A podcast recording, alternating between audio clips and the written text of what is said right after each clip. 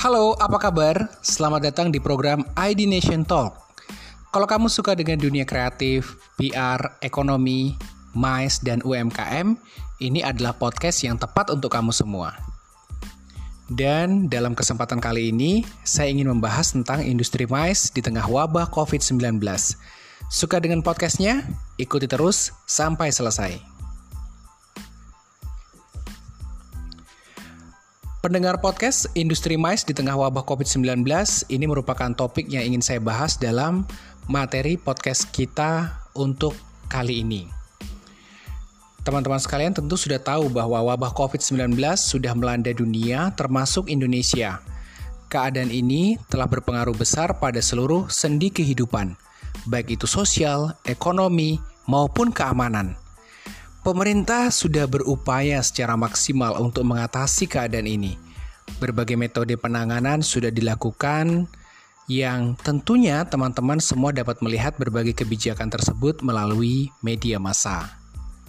Peristiwa ini sudah banyak memakan korban, menimbulkan kerugian di banyak aspek, tidak terkecuali industri mais dan event. Sebagaimana kita ketahui bahwa industri event tourism, mais, dan derivatifnya hampir 75% digerakkan oleh sektor UMKM.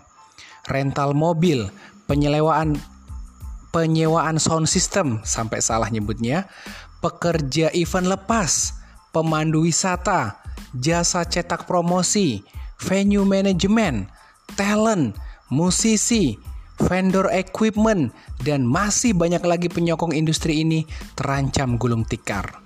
Belum lagi sektor utama MICE yaitu hotel, kemudian penerbangan yang sudah pasti mengalami kerugian yang sangat besar. Pendengar podcast kalian, industri MICE juga merupakan salah satu industri yang uh, bisa menjadi sumber pendapatan andalan Indonesia. Penyelenggaraan event, tourism, meeting yang berskala internasional telah menjadi bagian promosi pariwisata yang bisa mendatangkan wisatawan mancanegara dan berimplikasi pada penambahan devisa negara. Sektor ini sudah jelas menyerap banyak lapangan kerja untuk masyarakat Indonesia yang semuanya benar-benar pemberdayaan ekonomi kerakyatan atau istilah lainnya adalah sektor UMKM. Namun, sejak dikeluarkannya kebijakan social distancing dan anjuran untuk melakukan bekerja dari rumah, maka di saat itulah industri yang memang basic pekerjaannya adalah outdoor dan menghadirkan keramaian banyak orang otomatis terhenti. Teman-teman, sekedar teman-teman tahu juga, saya secara pribadi Maret adalah bulan yang cukup berat buat kami, di mana saya dan teman-teman harus menerima kenyataan beberapa kontrak event kami dibatalkan. Dan ini terjadi bukan hanya pada kami sendiri, tetapi dialami oleh semua perusahaan penggiat event di seluruh Indonesia. Ini adalah fakta yang ironi dan memang harus diambil demi menjaga keselamatan dan upaya agar tidak terjadi penularan yang lebih luas lagi. Menurut riset Evendo, industri event Indonesia ini merupakan organisasi yang mewadahi perusahaan event dan pekerja event di seluruh Indonesia. Menurut mereka, kerugian yang diderita oleh industri event secara nasional itu bisa mencapai sekitar 6,9 triliun.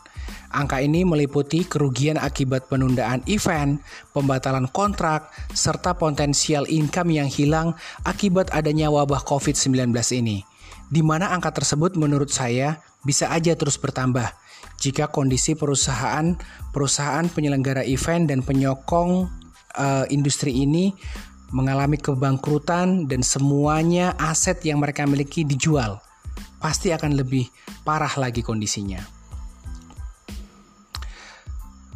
Saat ini sudah bukan waktunya lagi untuk berkeluh kesah kita berharap kebijakan untuk melakukan PSBB semoga memberikan implikasi yang positif terhadap penanganan wabah COVID-19 sehingga Indonesia benar-benar bisa keluar dari musibah yang cukup panjang ini.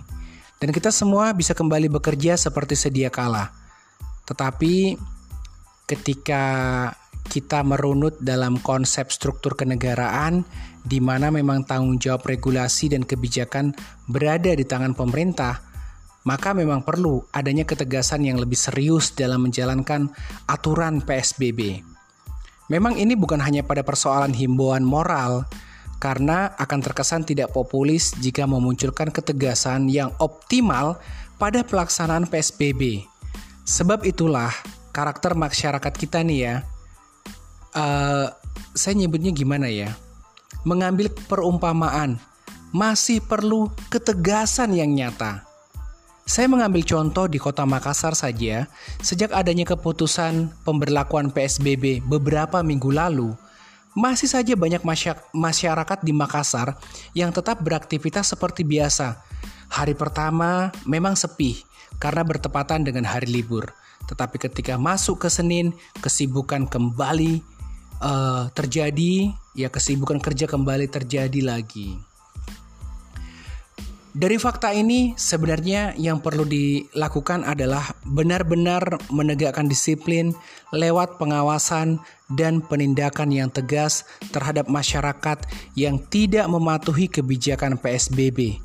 Saya percaya masyarakat kita akan sangat ter, sangat kooperatif, mampu bekerja sama juga untuk mendukung dan menjalankan PSBB jika sekiranya pengawalan aturan tersebut benar-benar dilakukan.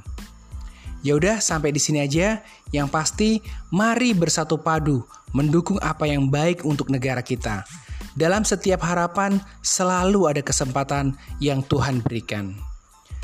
Pendengar, demikianlah podcast dari saya. Semoga materi untuk kali ini bisa memberikan insight tersendiri tentang industri kreatif yang mengalami kendala, keterpurukan di masa COVID-19.